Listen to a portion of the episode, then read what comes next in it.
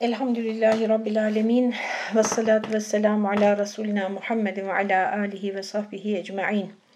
Ee, sevgili arkadaşlar bugün e, Ataullah İskenderi'nin e, Hikemi Atayiye isimli meşhur eserinin e, 7. hikmetindeyiz. Biliyorsunuz takip edenler e, biliyorlar ki 6. hikmette duaların kabulünün gecikmesi e, bizi dua etmekten ve Allah'a kullukta e, devam etmekten vazgeçirmemeli demişti. O, me o mealde konuşmuştu.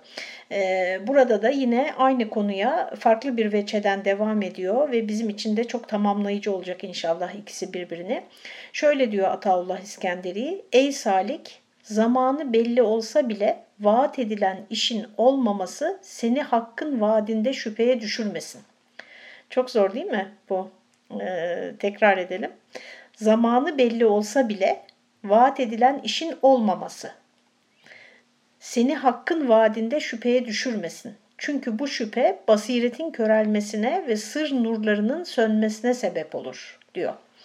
Ee, şimdi e, efendim şarihimiz Ahmet Mahir Efendi açacak e, tabii ki bunu bize açıklayacak ne demek istediğini Ataullah İskenderi'nin.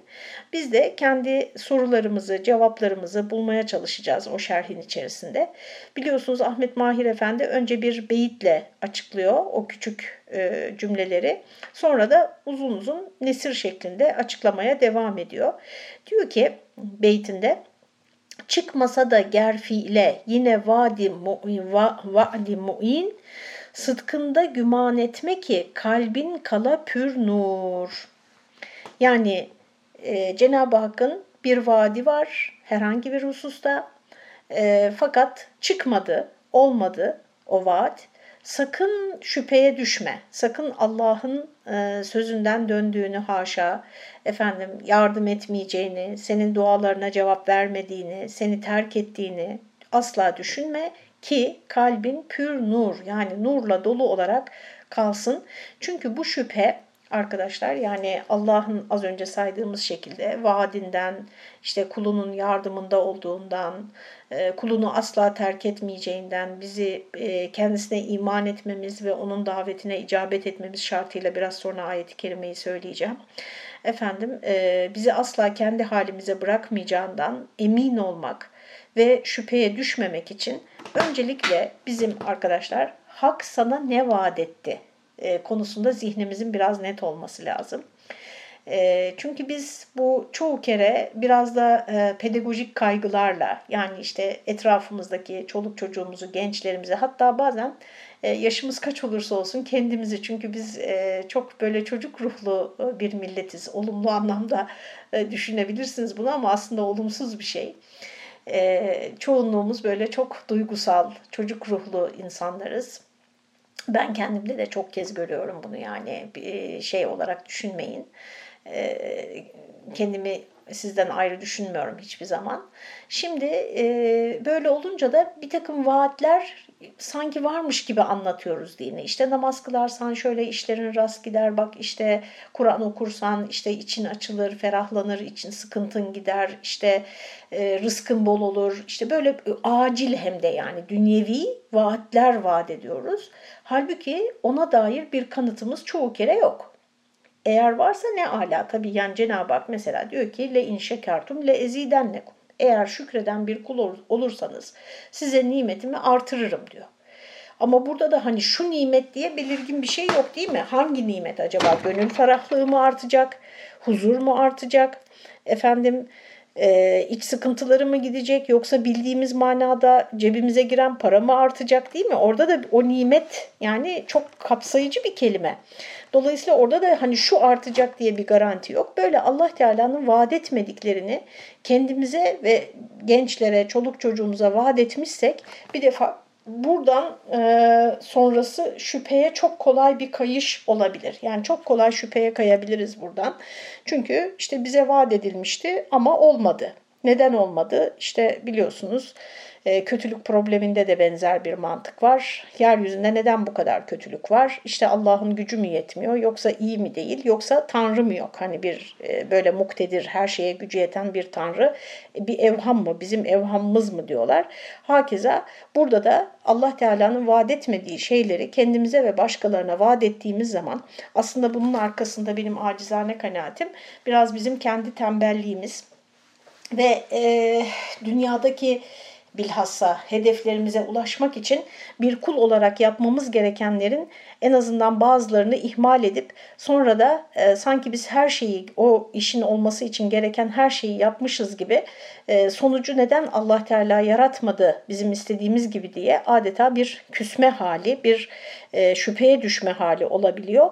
Dolayısıyla hak sana ne vaat etti? Bu konuda bir defa e, kesinlikle tabii ayetlere ve sahih güvenilir rivayetlere dayalı olarak bizim e, kesin bir e, zihin berraklığına ihtiyacımız var ki o vaatler gerçekleşmediği zaman biz e, haşa Allah korusun şüpheye düşmeyelim.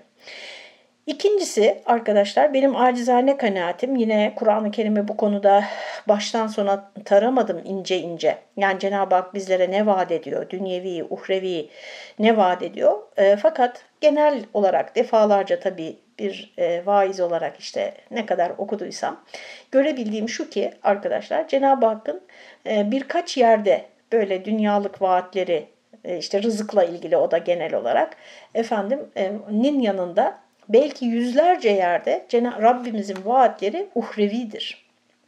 Dolayısıyla e, Allah'ın vaadinden şüpheye düşmemek için ahirete imanımızın da çok kuvvetli olması gerektiğini düşünüyorum. Yani bu bir ön giriş olsun e, bizlere. E, günümüz insanı arkadaşlar o kadar hedef odaklı ki ve bize de bu telkin ediliyor. Çok çeşitli mecralardan, çok çeşitli e, kereler o kadar kuvvetle telkin ediliyor ki biz de ister istemez etkisinde kalıyoruz. Başarı odaklı, hedef odaklı ve o hedefe ulaşmadığında büyük bir e, başarısızlık duygusu, yetersizlik duygusu, hayatın boşa geçmiş gibi işte e, kulluğunu, insanlığını e, kaybetmişsin, hayatını harcamışsın, boşa harcamışsın gibi bir başarısızlık duygusu e, çöküyor üzerimize. Bu işte çocuk çocuğumuzla ilgili olabilir, kendimizle ilgili olabilir. Hatta işte ülkemizle ilgili bile olabilir. E, meşgul olduğumuz iş her neyse. Halbuki din bize e, bir defa peygamberlerin hayatına baktığımız zaman bile görüyoruz ki hedef odaklı değil, Bizim dinimiz arkadaşlar ısrarla bunun üzerinde duruyoruz. Ruh sağlığımız, akıl sağlığımız açısından burası son derece önemli. Biz hedef odaklı bir dine mensup değiliz arkadaşlar. Biz süreç odaklı. O süreci doğru bir şekilde yaşamak, üzerimize düşeni yapmak, e, süreci doğru yönetmek, doğru ilerlemek, sırat-ı mustakimden kaymamak. Çünkü sonucu yani hedefi yaratacak olan Allah Teala'dır. Bununla ilgili çok hani artık neredeyse klişeleşmiş gerçekten de iyi ki öyle olmuş. Hani çoluk çocuğun bile bildiği örnek Hazreti Peygamber sallallahu aleyhi ve sellemin en çok sevdiği, ona en çok güvenen, hayatı boyunca en çok yardım edenlerin başında gelen, destekleyen amcası Ebu Talib'in iman etmemesidir. Yani peygamberimizin davasını destekliyor. Bütün Kureyş'i karşısına alıyor ama peygamber efendimize hani e, topluma ilan ettiği, açıkladığı şekilde şekliyle iman etmiyor. Hatta ömrünün son anlarında işte Kureyş kadınlarının Ebu Talip ölümden korktu da iman etti diyeceklerini bilmeseydim sana iman ederdim diyor. Dolayısıyla yani şimdi peygamberimiz başarısız mı orada? Veya diğer peygamberler, Efendimiz sallallahu aleyhi ve sellemin hayatında da değil mi? Onun tebliğini yaptığı herkes iman etti mi? Diğer peygamberlerin e, kıssalarından biz biliyoruz. Her e, ulaştıkları insan onlara iman etti mi? Neler yaşadılar? Dolayısıyla bu bir tek bu örnekler bile bize gösteriyor ki biz bize verilen Allah Teala tarafından bize verilen görevi peygamberlere bu açıkça melek aracılığıyla bildirilmiştir. Bize de genellikle yaratılış amacımız, içimize konulan amaç ve bizim kendiliğimizden üstlendiğimiz hayat vazifeleri aracılığıyla verilmiştir.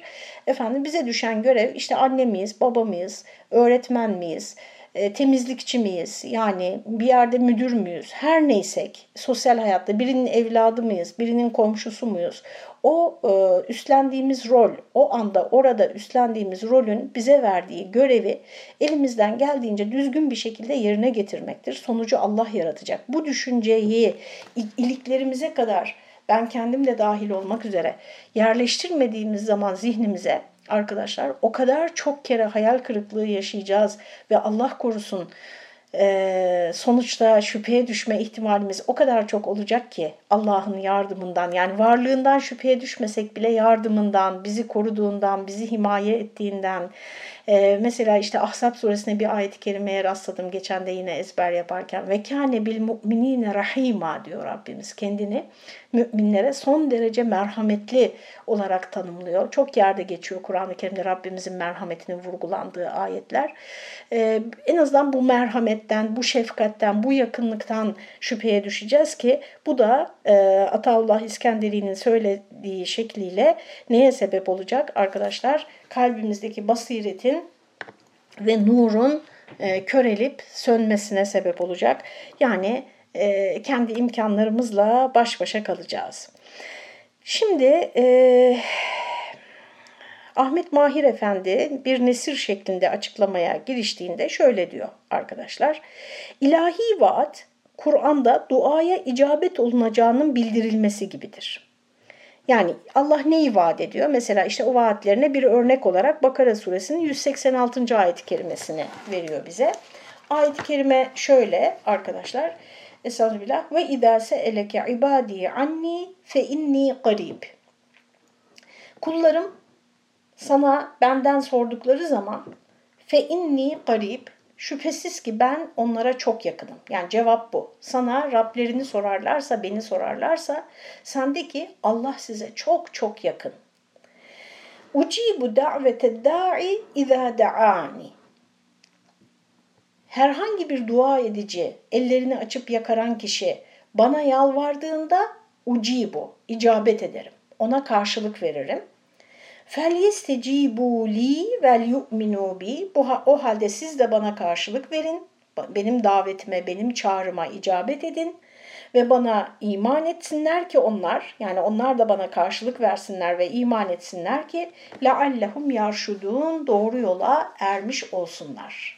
Reşit olmuş olmak için, yetişkin olmuş olmak için arkadaşlar burada pek çok e, alt mesaj var bana göre. E, yani birinden bir şey istediğin istemeden önce sen onun isteklerini ne kadar karşıladın? O sana bir davette, bir çağrıda bulunduğu zaman, senden herhangi bir şey talep ettiği zaman onu ne kadar yerine getirdin? Bunu da göz önünde bulundurmamız adeta bize hatırlatılmış oluyor ve yarşudun yani rüşt kelimesinin geçmiş olması da e, anlamlı. Ben rüşt kelimesini yetişkin olmak yani o çocuksu hallerden az önce söylediğimiz duygusal, tepkisel, reaksiyoner, çocuksu böyle e, alıngan, küsen, efendim darılan, o bir isteği olmayınca hemen problem çıkaran, bu, bunlar yaşı kaç olursa olsun arkadaşlar bunlar çocuksu davranışlar. Efendim bütün bunları aşmış, yetişkin olabilmiş, aklıyla, kalbiyle, olumlu duygularıyla hayatını yönetebilen yetişkin insanların efendim yetişkin insanlardan olabilmemiz için ayet-i kerime bize e, Cenab-ı Hakk'ın biz ona elimizi açıp ona bir çağrıda bulunduğumuzda dua aynı zamanda davet köküyle ismiyle aynı kökten geliyor. Yani ey Rabbim diye onu çağırdığımızda Allah Teala evet ben size icabet edeceğim diyor. O halde diyor onlar da bana icabet etsinler ve bana iman etsinler diyor. Ee, tabii burada icabet etmek nedir? Yani onu geçen işte bir önceki kaydımızda uzun uzun konuştuk. Bir önceki hikmette çok geniş bir şekilde e, anlatıldı. E, illa bizim istediğimiz zamanda mıdır? Bizim istediğimiz şekilde midir? Yani Allah Teala işte biz Ya Rabbi dediğimizde o da bize buyur kulum dediğinde ha ne istiyorsun şunu şu vakitte öyle mi? Hadi hemen tamam senin istediğin şekilde ve zamanda diye e, yapmak zorunda mı? Öyle bir sözü var mı? İşte az önce dedim ya Allah bize ne vaat ediyor? Oraya bir bakalım. Bize icabet edeceğini yani o çağrımıza karşılık vereceğini, cevap vereceğini vaat ediyor ama cevabın içeriği yani nasıl bir cevap verecek ve ne zaman olacak bu onu kendi yetki alanında saklıyor.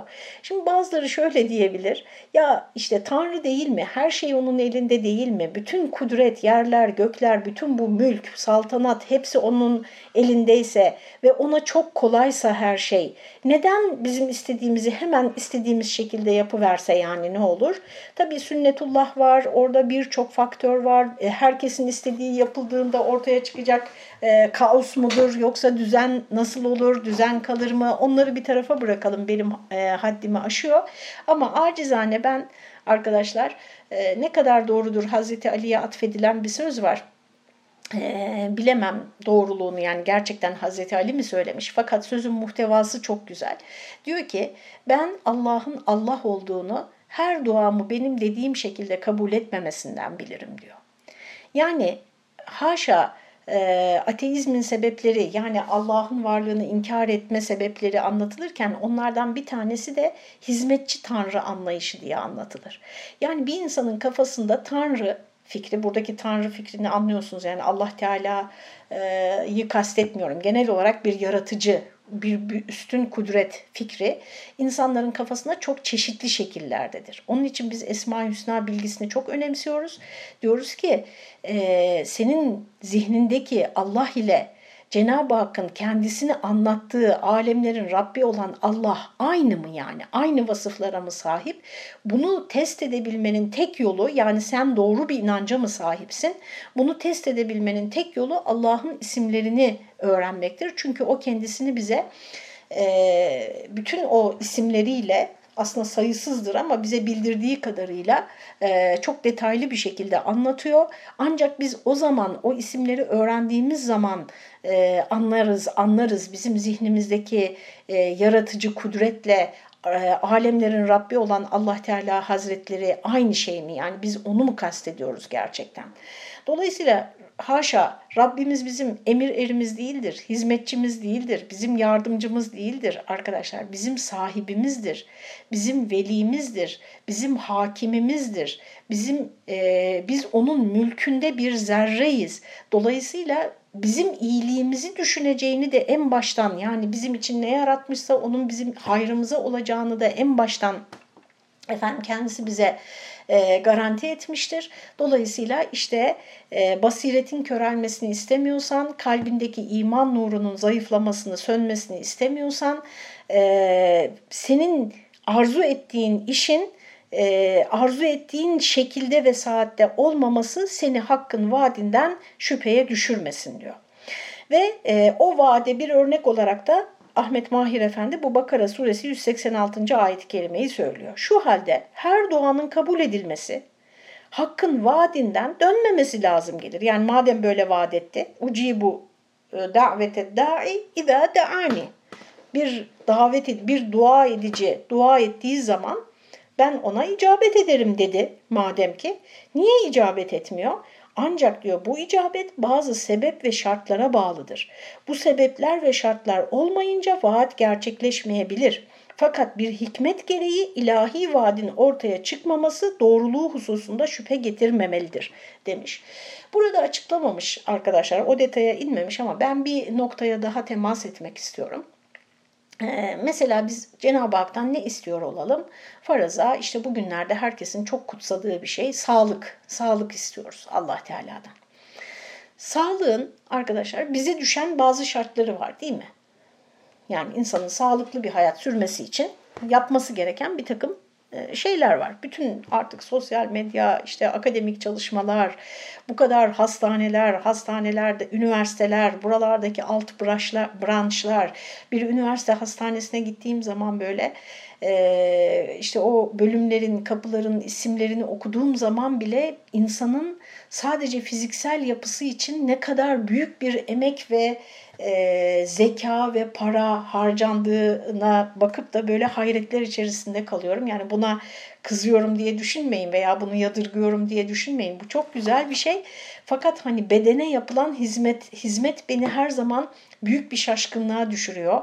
Arkasındaki sermayeyi, toplumun en zeki insanlarının bütün ömürlerini bu işe vakfedişlerini düşündüğümüz zaman işte bu muazzam çalışmadan ortaya çıkan e, bir takım sonuçlara göre bize tavsiyelerde bulunuyorlar. Öyle değil mi? Şöyle besleneceksin, şöyle yaşayacaksın, uykun şöyle olacak, işte stresini şu şekilde yöneteceksin, hareketlerini şu şekilde ayarlayacaksın vesaire. Yani sağlıklı bir hayat için. Şimdi biz bunları yani çok basitçe söylüyorum. Bunların bir kısmını yerine getirmeden, ihmal ederek, sonucu sadece Allah'a havale ettiğimiz zaman ne yapmış oluyoruz arkadaşlar? Acizane kanaatime göre arkadaşlar çok ucuz bir tevekküle, e, çok ucuz bir çıkarcılığa e, dönüştürmüş oluyoruz, alet etmiş oluyoruz imanımızı. Yani şöyle de anlamayın sakın. Ha ben sağlıklı beslenemiyorum o zaman sağlık için hiç dua etmeyeyim. Hay olur mu öyle şey? Tabii ki dua edeceğiz ama o duanın sonunda istediğimiz olmadı diye Allah'tan şüphe etmektense önce dönüp kendimize bakıp bu duanın gerçekleşmesi için acaba ben bana düşen neler vardı? İşte o Bakara suresi 186'nın son satırına bak, bir bakın yani. Fel yesecibu li vel yu'minu bi. Yani değil mi Cenab-ı Hak? Bir takım şartlar bana iman etsinler, bana güvensinler, efendim benim çağrılarıma icabet etsinler.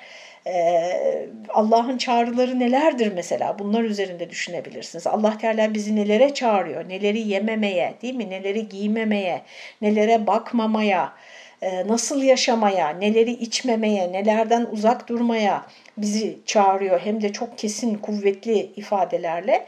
Dolayısıyla ben e, acizane arkadaşlar bir isteğim, bir hayalim, bir duam e, henüz gerçekleşmemişse illaki bir gün gerçekleşecektir. Dünyada olmasa bile ahirette olacaktır. Bu açıdan ahirete iman da son derece önemlidir Allah'a güvenin sarsılmaması için. Henüz gerçekleşmemişse ben dönüp bir de kendime bakmak e, gerektiğini her zaman kendime hatırlatıyorum. Acaba ben e, yapmam gerekenleri tam olarak yaptım mı? Efendimiz sallallahu aleyhi ve sellemin e, benim de çok böyle başvurduğum bir duası var.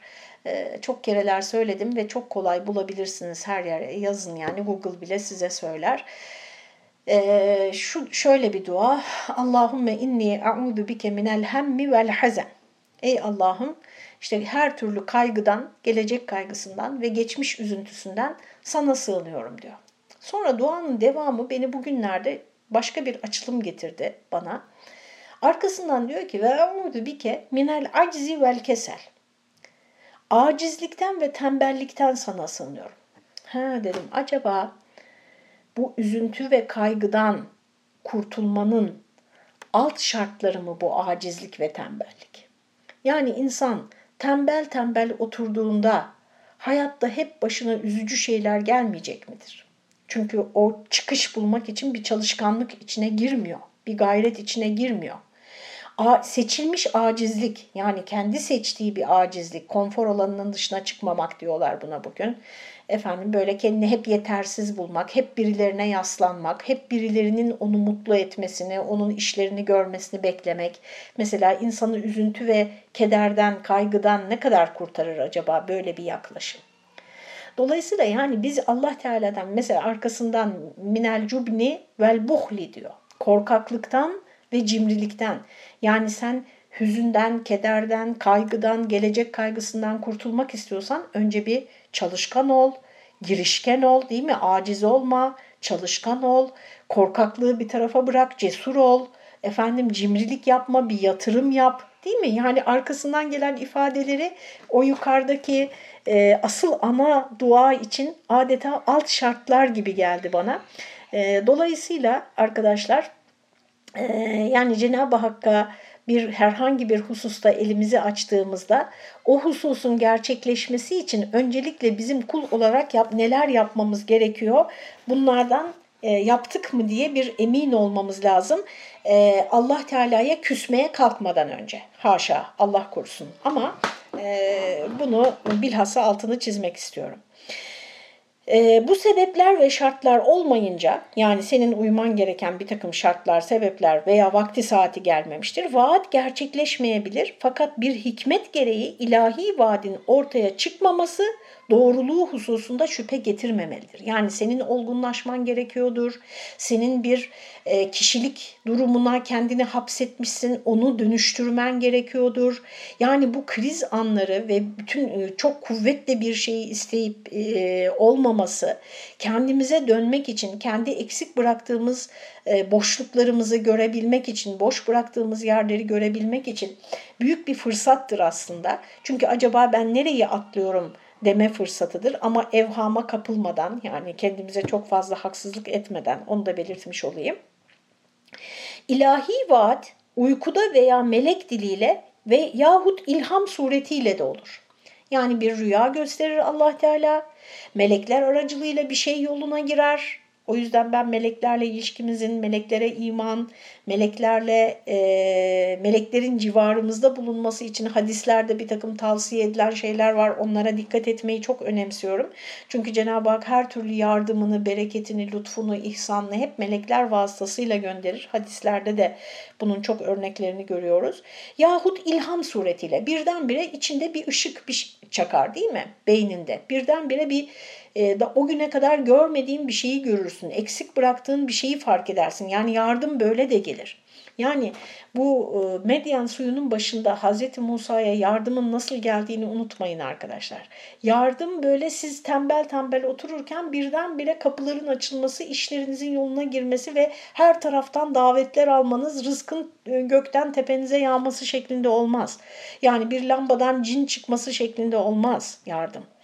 O yardım e, sizin aktif bir şekilde e, kendinizle, hayatla, e, o herhangi ne istiyorsanız Allah Teala'dan o konuyla ilgili çabalarınız devam ederken birdenbire ummadığınız şekilde efendim e, giriştiğiniz bir eylemin sonucunda ummadığınız e, açılımlara ulaşmanız yoluyla da olur.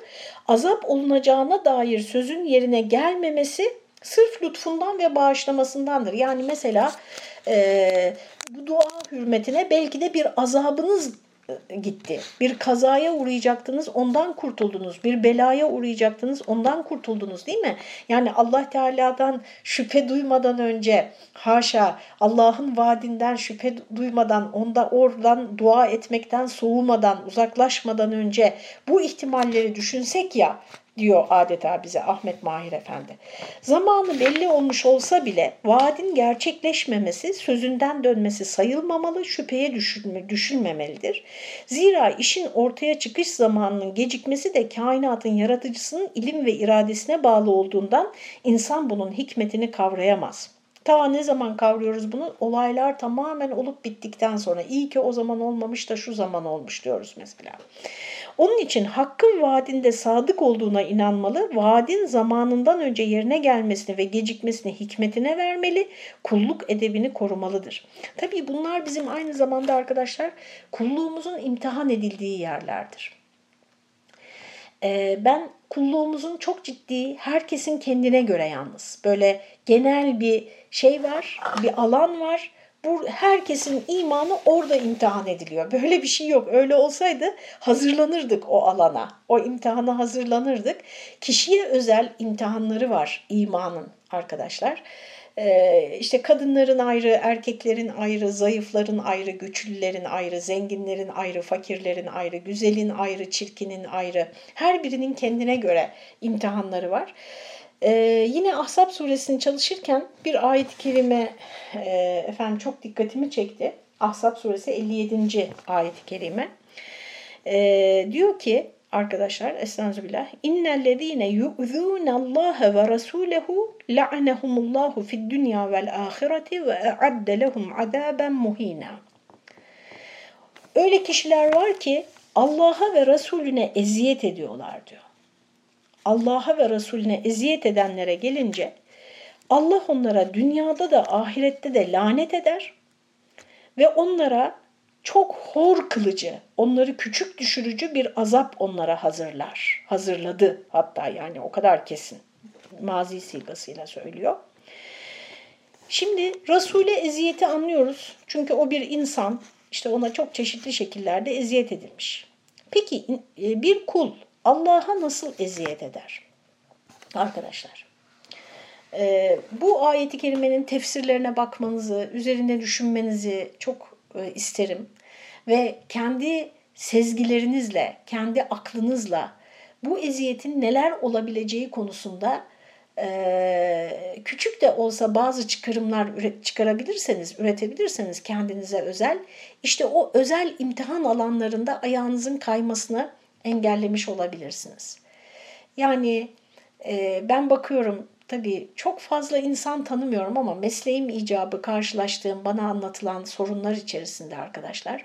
Küçücük minnacık bir problemden dolayı hatta çoğu kere de bu problem gerçek bir problem bile değil yani. Biraz böyle hassasiyetlerden kaynaklanan bir problem diyelim.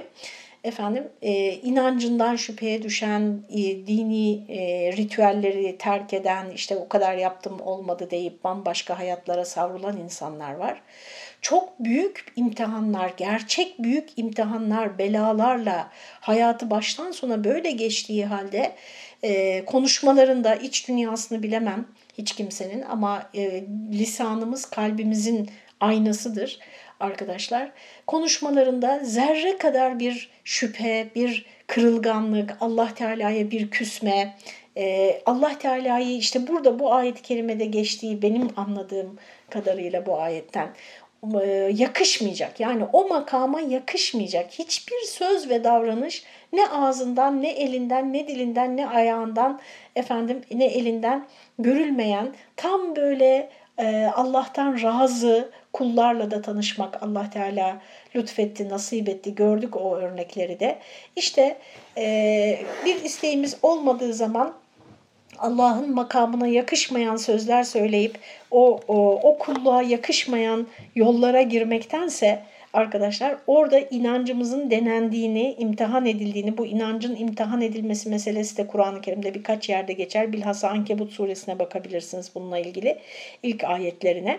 Efendim e, bunun da kişiye özel olduğunu ve nerede denendiğimizi hissetmenin, e, görebilmenin de bir akıl meselesi olduğunu tekrar hatırlatmış olayım. Onun için hakkın vaadinde sadık olduğuna inanmalı, vaadin zamanından önce yerine gelmesini ve gecikmesini hikmetine vermeli, kulluk edebini korumalıdır. Böylece itikat nuru yani inanç nuru şüpheden temiz, vicdan aynası zandan uzak olur.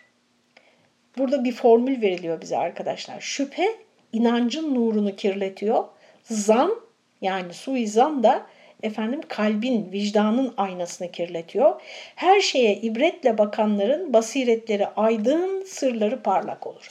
Ayrıca kulun kulluğunun ortaya çıktığı yer arkadaşlar kendi isteğiyle Rabbin uygun gördüğü, çeliştiği zaman Rabbin uygun gördüğünü kendi isteğinden daha hayırlı bulmasıdır kulun kulluk sınavını geçtiği yerdir burası. Başta ben kendim için ve hepimiz için Rabbimizden niyaz ediyorum. Peygamber Efendimizin başından da böyle bir şey geçmiştir diyor. Bunu Hudeybiye anlaşması, e, Hudeybiye meselesini örnek veriyor. Mekke'de umre yapmak için çıktılar. Çünkü peygamberin rüyasında gördü peygamber ama bir yıl sonra gerçekleşti değil mi? Hatta sahabe öyle hayrete kapıl düştüler ki e, başlarını tıraş edip ihramdan çıkmayı bile o emri bile ilk başta anlayamadılar. Nasıl yani peygamberin rüyası gerçekleşmeyecek mi? O müjde gerçekleşmeyecek mi? Nasıl yani buradan umre yapmadan geri mi döneceğiz diye şok oldular. Bir şok yaşadılar. Detayları e, siyer kitaplarında vardır. Efendim e, dolayısıyla e, kudret sakisi ezelde irfan şerbetini Peygamber Efendimiz'e sunmuş. Dünya ve ahiret işleri onun yüzü hürmetine düzenlenmiştir. Peygamber Efendimiz'in oradaki teslimiyetini bize anlatarak, örnek vererek bu bölümü bitiriyor. Bu şekilde biz de 8. hikmete gelmiş oluyoruz. İnşallah e, iliklerimize işlesin bunlar. Kalbimiz yatışsın, aklımız yatışsın e, ve e, efendim ne inancımızı, ne Allah'a olan güvenimizi, ne onun vaadine olan güvenimizi e, zedeleyecek bir söz ve davranış içerisine girmeden hayatın bütün olaylarını e, tam bir mümine teslim olmuş, razı olmuş, e, rıza mertebesindeki bir mümine yakışır şekilde geçirebilmeyi Rabbim bizlere nasip etsin. Allah'a emanet olunuz.